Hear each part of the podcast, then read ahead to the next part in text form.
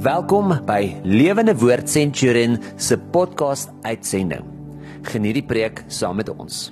Here baie dankie vir die voorreg wat ons het om u naam te kan aanroep. Here, u is ons wonderlike Vader. Die koning wat ons wil kom aanbid.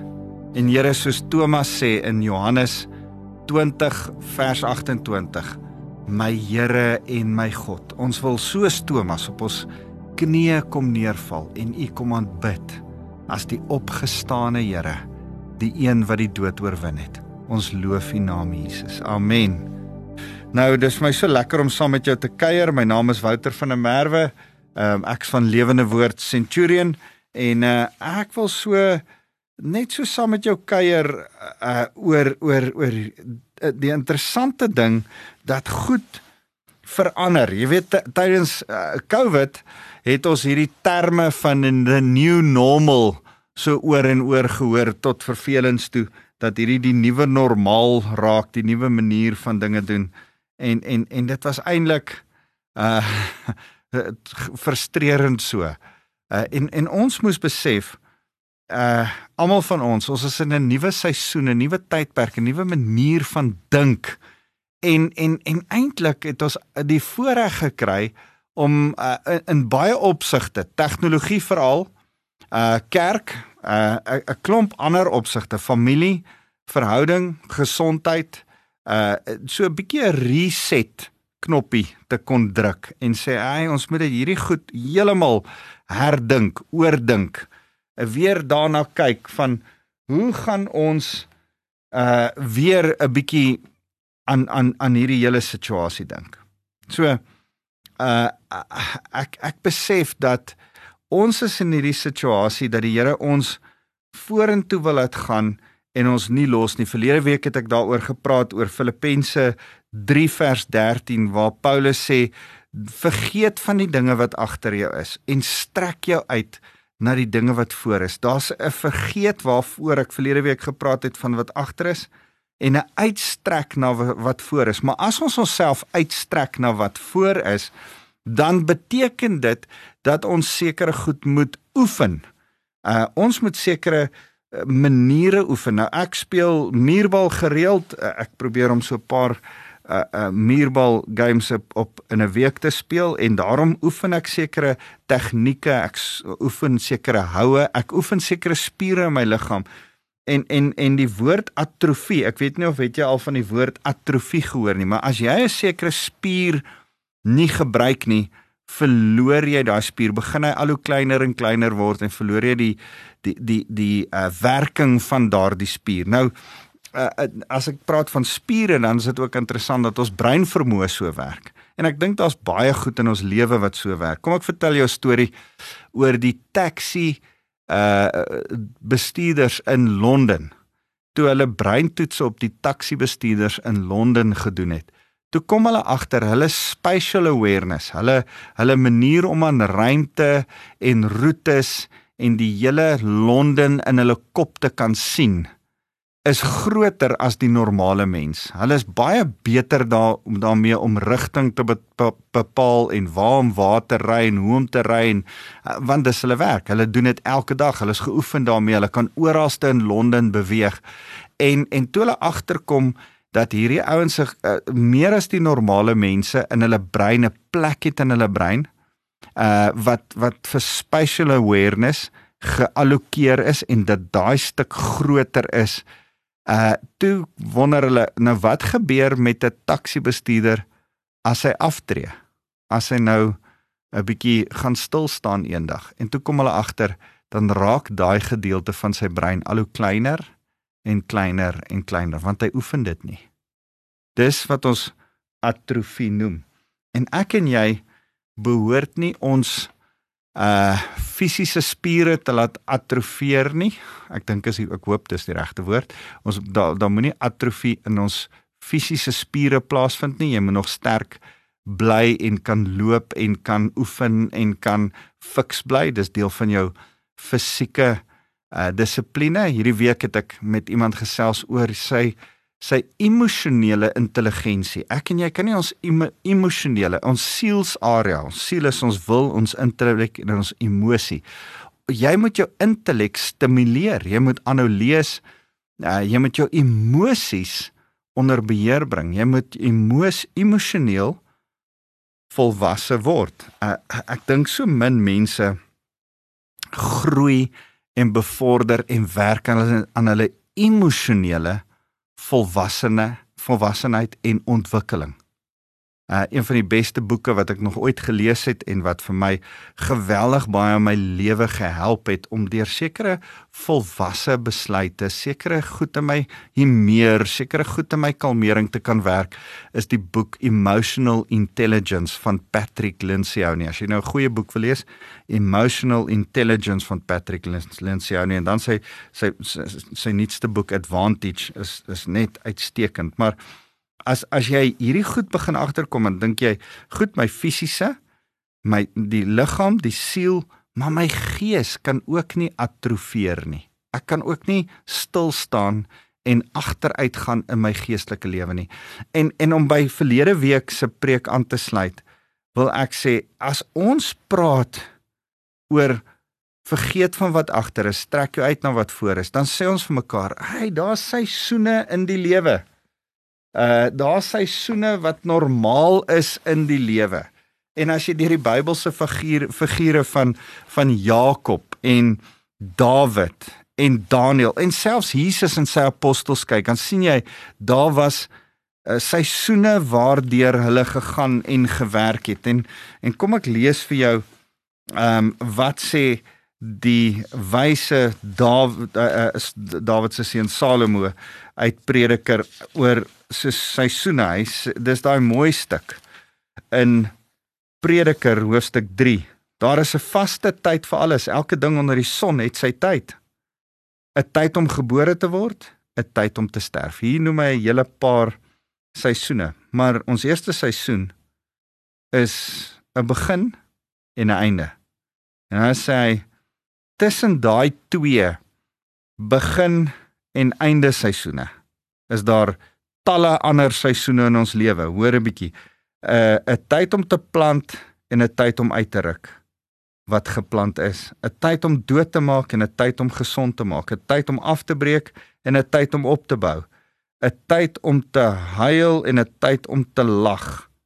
Uh, ek dink aan Nehemia 8 vers 10 wat sê the joy of the Lord is our strength. Daar's 'n tyd om te lag, 'n tyd om te treur en 'n tyd van vre om van vreugde te dans. Ek wil net nou met jou praat oor 'n bietjie emosie in ons seisoene. Maar seisoene het emosie in. 'n Tyd om van jou eh, jou saad te saai en 'n tyd om jou saad terug te hou. Wysheid maar ook getrouheid. En dan sê hy 'n tyd om te omhels en 'n tyd om weg te bly van omhelsing. 'n Tyd om te soek en 'n tyd om te verloor. 'n Tyd om op te pas en 'n tyd om weg te gooi, 'n tyd om te skeer en 'n tyd om vas te werk, 'n tyd om stil te bly en 'n tyd om te praat, 'n tyd om lief te hê en 'n tyd om te haat, 'n tyd vir oorlog en 'n tyd vir vrede. Wat 'n voordeel sê vers 9 is daar vir die een wat iets doen wat hom vermoei. Hy sê dan sê die prediker ek het nagedink oor die taak, die die taak waarmee God die mens belas. Hy het alles mooi gemaak. Hy het aan die mens 'n visie gegee van ewigheid. Ah, daai is vir my so 'n mooi skrif want hy sê ook op 'n ander plek he set eternity in their hearts. Hy het, hy het ewigheid in ons harte vasgemaak. Hy het 'n visie van ewigheid. Hy het ons gemaak, hy het ons geskep. Nie vir tyd en vir die feit dat ons eendag gaan sterf nie. Ergens in ons in ons harte is ons eintlik soos visse buite die water. Eintlik is ons veronderstel om in ewigheid te leef. En daarom is deel van die voordeel om Jesus Christus te dien is 'n ewige lewe. Nou sê hy, tog kan mense nie die volle omvang van God se werk van begin tot einde verstaan nie. Ek het besef daar is vir mense niks beter as om vrolik te wees en tydens sy lewe die goeie te geniet. Mense moet eet en drink en onder hulle al hulle moeite nog die goeie kan geniet. Maar net 'n normale lewe hê. Ek, ek sit nou die dag met 'n ou wat ek berading voordoen en hy sê miskien moet ek my TV los, miskien moet ek my vriende los, net Bybel lees. En ek sê nee, wow wow wow wow wow. Deur ook 'n goeie fliek te kan kyk, deur saam met jou vriende 'n braaivleis te kan hou, deur normale mense te wees en te gaan shopping doen saam met jou vrou. Is dit ook net in die normale deur jou lewe te geniet die manier hoe jy getuig. Moenie moenie weird raak nie. Raak normaal abnormaal vir die Here. En dan dan sê hy hier verder hy sê ek het ehm um, uh, ek weet alles wat God doen is vir ewig. Niemand kan daar iets byvoeg of daar iets van wegneem is nie. Is dit nie 'n wonderlike ding nie? God doen dit sodat die mens hom sal eer. Wat is Wat is was reeds. Wat nog sal wees was ook alreeds. God soek dit op wat alreeds verby is. Die tyd is in God se hande met ander woorde. Seisoene is in God se hande. As ek vinnig met jou kan praat vandag oor seisoene en net sê hier is 'n seisoen van 'n van 'n geboorte en 'n sterfte en daartussen verander ons lewe. Neem die Here ons van een seisoen in 'n ander een. Maar wanneer jy die Here dien, wanneer jy 'n gelowige word, is een van die goed wat ons saam die Here vertrou dat hy ons nooit meer agteruitvat nie, maar nou vooruitvat. Hy los ons nooit meer net besig om te atrofeer in ons geestelike lewe nie. Hy's besig om ons geestelike spiere te bou, om ons sterker en sterker te maak want hy het die ewigheid van ons lewe in gedagte. So die die die wonderlike van hierdie hele ding is die Here beplan vooruitgang vir ons. Die Here is besig met ons in 'n vooruitgang en en en as ek een ou se lewe kan kan beskryf dan is dit Daniel. Daniel is vir my hierdie wonderlike voorbeeld van 'n ou wat die lewe het hom e-, eintlik ontsettend sleg behandel. Op 17 jarige ouderdom val Babilonie Jerusalem binne. En Daniël en sy drie vriende Sadrag, Mesach en Abednego se stad word vernietig. Hulle word heel moontlik uh word hulle ouers vermoor. Uh hulle word weggevoer as jong slawe van die koningshuis wat eintlik nou uh ouens wat uh, priesters sou gewees het, uh, koninklikes, adellikes en priesters sou gewees het aan die een kant uh vir vir Jerusalem en vir die Here word nou weggevoer na Nebukadneser se huis om daar vir die afgode te gaan dien.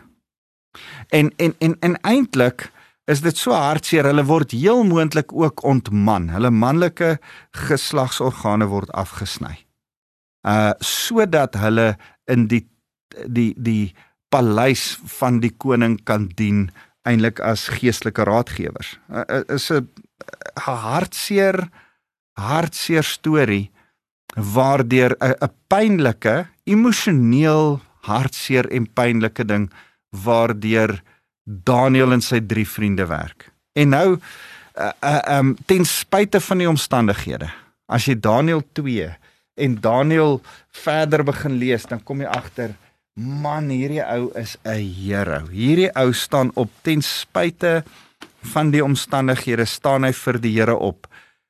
Seisoen na seisoen na seisoen in hierdie omstandighede terwyl Nebukadneser leef. Uh en en en en ek wil vir jou lees wat gebeur toe hy die eerste keer opstaan. Hierdie is net die eerste keer wat hierdie ou opstaan vir die Here. Gebeur die volgende: Koning Nebukadneser, die grootste koning in die wêreld, het toe diep voor Daniël die 17-jarige wil ek tussen hakkies bysit gebuig en hom aan hom eer bewys. Hy het opdrag gegee om offers vir Daniël te bring en wierook vir hom te brand. Die koning het vir Daniël gesê: "So waar jou God is die God van alle gode en die Heer van alle konings. Hy openbaar geheime want jy kon die geheim vir my verklaar." Hoor 'n bietjie. Hy sê hy brand wierook, bring offers vir hierdie ou. Miskien is hy 'n god, maar sy god is definitief die god. Vers 48: Die koning het toe vir Daniël bevorder en vir hom baie geskenke gegee. Hy het Daniël as regerder oor die provinsie van Babel aangestel en as leier van al sy raadgewers in Babel. Hierdie ou was nog nie eers 20 nie. Nou word hy die politieke leier van Babelonie. Net onder die koning. Ek ek ek dink nie ons verstaan altyd wat waarmee Daniël se lewe afgeskop het nie. Watter impak hy in die wêreld van sy tyd en die ekonomie van sy tyd gehad het nie. En dan as jy Daniël verder lees, dan kom jy agter uh die die koning Nebukadneser raak mal. Uh sy kop los hom en hy leef soos 'n wilde dier vir 7 jaar. En in daai 7 jaar uh onderneem Daniël om die die die proxy koning te wees. Hy staan in vir die koning. Hy regeer. Hy laat die koning beskerm word deur in hy 7 jaar en hy leef vir 7 jaar uh, in die plek van die koning regeer hy. En dan na die 7 jaar dan kom daai koning eindelik tot bekering en skryf die mooiste bekeringslied in die Bybel van 'n heidense koning wat eindelik die Here uh leer ken het en en en uh dis dis so mooi om om te besef dat hierdie koning Nebukadneser dan by die Here gekom het. Dan tree Daniël af, dan sy seisoen verby by die koning. Dan's alles verby.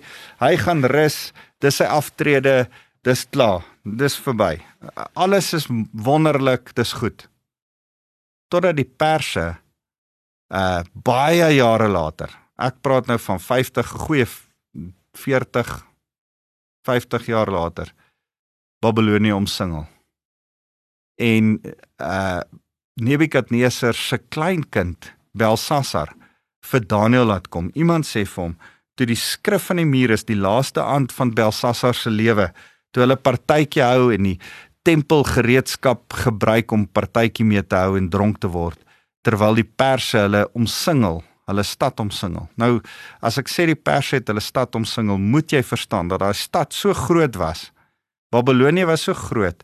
Dit sê dit het 3 dae gevat om uh deur die hele Babilonie die die stad te kon stap. Dit was 'n geweldige groot stad. Uh toe die perse dit uh, op die ou ende oorneem, was daar mense wat 10, 20 jaar daarna eers uitgevind het dat die perse die stad oorgeneem het. Hulle het net aangegaan met handel dryf soos wat hulle handel gedryf het. Dit was net so 'n massiewe stad. Uh dink aan 'n New York, ehm um, of 'n Mexico City. Dis dis uh hoe groot daai daai daai stad was. En ehm um, as ek as ek dink aan Daniël se impak dan as die skrif van die muur kom menie menie tekel hoe vars in die hand 'n bonatuurlike hand skrif teen die muur skryf dan laat hulle vir Daniël uit sy uh uh um sy aftrede kom en hy moet dit uitlê en hy sê vir die koning jy's geweeg en te lig bevind vanaand nog gaan jy sterf. Wat dan ook gebeur hy sterf. Die nuwe koning Darius kom aan bewind van die perse en iewes skielik is dan is word Daniël uh, uit uit aftrede uit uitgeroep en hy moet nou hierdie nuwe perse begin dien want hy is die Babilonier wat weet wat daar aangaan. En dan dien hy hierdie ko hierdie koning, hierdie nuwe koning van 'n nuwe regering van 'n nuwe nasie dien hy weer eens in 'n nuwe seisoen van sy lewe uitstekend. En as hy hom goed begin dien, dan dien hy hom so goed dat daar jaloesie onder sy mense is van hierdie Joodse Babilonier wat nou die Persiese koning help dat hulle hom vang, die koning vang om hom wat Daniel is in die leeukuil te gooi. Dan word hy in die leeukuil gegooi en die Here help hom. Kan jy sien hierdie ou het deur geweldige moeilike seisoene in sy lewe gewerk. Seisoen van lank rus, seisoen van weerherstel, seisoene van hartseer. Maar die Here rig hom op. As ek dink aan hoe Jesus seisoene in sy lewe gehad het, van 'n pad stap met sy disippels. En toe lei hulle na na na hom toe nadat hy opgestaan het aan die dood en sy asem oor hulle uitblaas Johannes 20 vers 22. En toe word hulle apostels wat sy opdragte uitvoer om die evangelie te gaan versprei. As ek met jou praat oor Saulus se lewe wat toe later Paulus word, sy seisoene het sy naam verander. Maar wat ek jou wil wys is of dit Jakob is of dit Saul is of dit Abraham is of dit enige een van hierdie is, wanneer hulle die Here gedien het, het die, die seisoen vooruit gegaan. Wanneer hy teen die Here gekies het, het sy seisoene agteruit gegaan. Het dit winterseisoene geword in hulle lewe. Het dit minder geword. As as jy dink aan Saul wat die koning was, as jy dink aan ouens wat teen die Here gekies het, Agab, dan gaan dit al hoe slegter en slegter en slegter met hierdie mense. En nou wil ek vir jou sê, uh, as as daar seisoene in ons lewe is, dan is die een ding wat ek wil hê jy moet agterkom is daar's vooruitgang. Daar's groei in hierdie seisoene. Maar die volgende ding wat seisoene vir ons doen, die tweede ding wat ek vandag vir jou wil sê is seisoene gaan altyd gepaard. Fases in jou lewe, die groei en vooruitgang in jou lewe gaan altyd gepaard met emosie. Onthou ons het net nog gelees daar's 'n tyd van lag en 'n tyd van huil.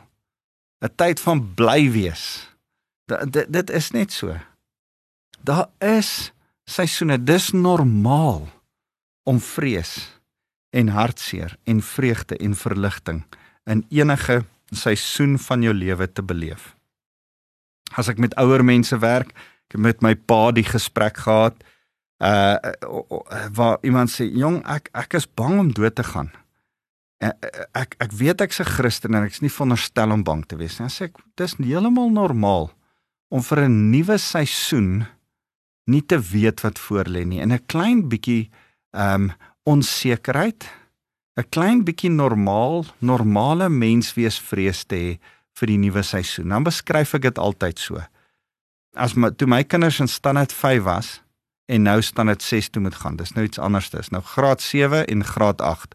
Toe hulle nou van van die laerskool na die hoërskool toe moet gaan. Toe hulle geweldig opgewonde oor die nuwe hoërskool, die nuwe skoolklere, die nuwe maatjies, die die die die die groei, die nuwe goed. Hulle gaan nou na groter nuwe geleenthede toe. Maar hulle was ook vrek bang. Daar was ook uh Ons weet nie wat om te en en en ek het so daai Desember vakansie by die see saam met hulle eh, so 3 jaar agter mekaar. Ek het 3 dogters in 3 jaar. Het het ek so 3 jaar agter mekaar dieselfde emosie van van geweldige opgewondenheid en geweldige bangheid saam in hierdie kinders beleef. En dit was vir my so mooi om dit saam met hulle te beleef. Weet jy wat? Dis normaal. Toe my dogter trou verlede jaar, het ek en sy saam weer daai emosie beleef. Ek ek dink ek meer as sy. Hy my huis gaan leeg, my dogter afgee vir 'n wonderlike jong man, maak my dogter weggee. En en saam met die bly is daar hartseer, is daar vrees, is daar bietjie uh, onsekerheid en hy dis deel van die nuwe seisoen. Nou die dag preek 'n vriend van my hierdie mooi ding en hy praat oor hy preek in Engels. 'n Baie goeie vriend van my het hier by my gemeente kom preek en gepreek oor 'n garment, 'n 'n kledingstuk. Hy sê as die Here jou in 'n nuwe seisoen 'n nuwe kledingstuk gee, moet jy die ou kledingstuk eers kan uittrek. Jy kan nie die nuwe kledingstuk bo die oue aantrek nie. Anders dan gaan jy sulke dik klere later aan hê. Jy moet die oue uittrek. As daar tyd is vir 'n nuwe een, dan beteken dit ergens tussen die oue en die nuwe een is daar so 'n 'n 'n kaal oomblik, 'n ontblote oomblik, 'n onsekere tyd van emosie van ah ek ek weet nie wat om te verwag nie. So van die vreugde van jou ou klere tussen daai vreugde van jou nuwe klere is daar die onsekerheid, dalk die hartseer, dalk die uh bedreigde gevoel, dalk die ehm um, bangheid wat totaal en al menslik normaal is. Wat jy ook vir die Here moet sê, Here, ek besef hierdie is tussen seisoene, daai tussen treine tyd. Here, dis alright. En, en kan ek vir jou sê, almal van ons gaan hierdeur. Want die Here is besig om jou te bevorder, verder te vat en vorentoe te vat. Maar weet jy dan dat jy vir die Here sê, Here, ek sien uit na die nuwe seisoen ten spyte van my normale bang uh versigtigheid kan ek maar sê vir die nuwe seisoen. Nou, nou kan ek ook vir jou sê die derde ding wat ek vinnig vir jou wil wil sê is ek ek wil so baie oor seisoene sê, maar maar, maar laat ek net sê ek glo dat seisoene bring ons by geestelike groei uit. Seisoene is daar gestel Hebreërs 11 vers 1 sê dat 'n uh, uh, geloof is 'n vaste hoop op dit wat ons nog nie kan sien nie asof dit reeds hier is. Seisoene vat ons in die onbekende vorentoe in en dan sê daai selfde hoofstuk vers 6 sonder geloof kan ons God nie sien nie. Sonder om vorentoe te stap, kan ons nie sien wat God vir ons beplan het en wil doen en nuwe dinge wat oorbreek nie. Sonder dat ek en jy nie uit die boot uit klim om op die water te kan gaan stap, kan ons nie die geloof van op die water stap sien nie. Ek en jy moet besef dis 'n geloofstap. Dis 'n 'n vaste geloofstap. Die Here het 'n visie voor. Habakuk 2:2 sê dat ons daai visie moet vasmaak, neerskryf in ons harte vas hê, moet weet waantoe ons op pad is. Maar ek wil jou aanmoedig. Hou 'n visie voor. Sê in jou geloof, Here, ek is op pad eers vorentoe. Ek weet dat ek weet U is met my besig. En dan moet jy getrou daarmee besig wees. Hoor wat sê Prediker 1 vers 11 vers 4. Hy sê as jy heeldag na die wind kyk, sal jy nooit saai nie. En as jy na die wolke kyk, sal jy nooit oes nie. Moenie wag dat die geleentheid, die seisoen eers perfek uitwerk voordat jy jou saad in die grond sit nie. Moenie sê ja ja ja, ek, ek sal van seisoen verander. Ek gaan hierdie ou klere uittrek eers as die nuwe klere perfek klaar aangepas het. Dis nie hoe dit werk nie. Jy moet eers die ou klere uittrek kaal staan vir 'n rukkie in geloof dat die nuwe klere gaan pas en gaan aankom. Jy moet eers weet dit, dit wat dit, my altyd so verbaas toe ek in Delmas uh, 'n uh, gemeente gehad het as ek saam met die boere op die trekker ry en hulle gaan plant. Dan sê ek hoor jy is kerke droog hierdie grond. Sê hulle ja, ons vertrou die Here vir reën. Man, boere is omtrent die ergste dobbelaars wat daar is.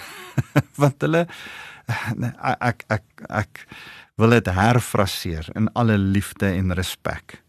Hulle is die mense met die grootste geloof wat daar is om saad letterlik honderde duisende rande se saad onder die grond in te druk en dan die Here te vertrou dat dit sal reën op die regte tyd. Maar hoor mooi, ek het nog nie in Delmas mielieboere gesien of ontmoet nie en ek weet nie hoe werk die ander gesaaides nie. Ek praat nou families. Mielieboere gesien wat saad in die grond druk voordat dit nie eers gereën het nie. Hulle hulle hulle eh, eh, wag nie eers vir die reën nie. Dis wat ek bedoel. Hulle staan nie eers en kyk en sê, "Ag, ah, nou daar, jy weet, dit het nou gereën. Nou kan ons plant." Nie hulle plant in kurkdroë grond en dan wag hulle vir die reën in geloof. Ek en jy moet weet daar's 'n nuwe seisoen. Daar's groei. Die Here wil saad laat opkom, maar voor dit alles perfek lyk, voor dit reën in jou en my se lewe, moet ek en jy die saad van geloof in die grond sit en sê Here, ek is reg vir 'n nuwe seisoen. Here, U sê geloof is die dinge wat ek nog nie sien nie om 'n vaste hoop in te hê asof dit alreeds hier is. Here, daar's 'n nuwe seisoen 'n nuwe geleentheid, 'n nuwe tyd in my lewe, ek gaan dit aangryp. Here gaan nie vasklou net aan die oue nie. U wil nie ek moet dieselfde bly of teruggaan agteruit nie. Hy wil nie my geestelike spiere laat atrofieer nie. U wil my ontwikkel, vooruitgang sterker maak. U wil my laat vorentoe gaan en ek eer U daarvoor. So, as ons dit vir mekaar sê, dan wil ek vir jou sê, gaan hoor by die Here. Jou huiswerk vir die week. Gaan hoor by die Here. Here, wat's die nuwe seisoen wat U voor voor my deur lê? En as jy skrik, as die Here met jou begin praat oor dis waantoe ek jou wil vat, moenie skrik nie. Weet dat geloof, dis hoe dit geloof werk. Jy moet sien want toe die Here jou vorentoe vat. Kom ons bid saam. Here baie dankie dat ons nie net stil staan in u koninkryk nie. Ons beweeg vorentoe. U wil ons bevorder, vorentoe vat, verder vat. U wil ons groei. Here groei kom van u af. Maar Here dan moet ons eers ons saad in die droë grond sit en u vertrou vir die reën in ons lewe sodat daai saad kan ontkiem kan groei en kan groot word en vrug dra. Here, ons moet in 'n seisoen waar ons nou is uitsien, beplan en vorentoe stap vir die nuwe seisoen wat kom. En Here, as gelowiges, sê ons ons vertrou U vir 'n nuwe seisoen. Here, ons eer U vir 'n nuwe seisoen in ons lewe en daarom kom spreek ek nou 'n seën uit oor elkeen wat nou na my luister. Mag die die liefde van God ons Vader hulle in hierdie seisoen waarin hulle nou is omarm en beskerm en besef selfs in 'n nuwe stap van hulle lewe, nuwe fase van hulle lewe waarin hulle gaan in beweeg is u liefde nog steeds daar. U liefde ontbreek nie. Ek spreek hierdie seën oor hulle uit, 'n wete van die liefde van die Here, 'n wete van die genade van die Here in die huidige seisoen en in die een wat kom. Maar Here, ek wil ook oor elkeen van hulle kom uitspreek die geloof wat deur die gees van God kom sodat ons ons oë kan oprig, kan vorentoe kyk, kan ver kyk, ons oë skreefies kan maak en ver kan sien wat U in die toekoms vir ons beplan en daarna hunker strewe vooruitgaan en sê Here, dankie vir 'n nuwe seisoen in my lewe. Dankie dat ek nie net gaan bly soos wat ek is nie, maar dat U my gaan verander. Ons eer U daarvoor. Dankie Jesus. Amen.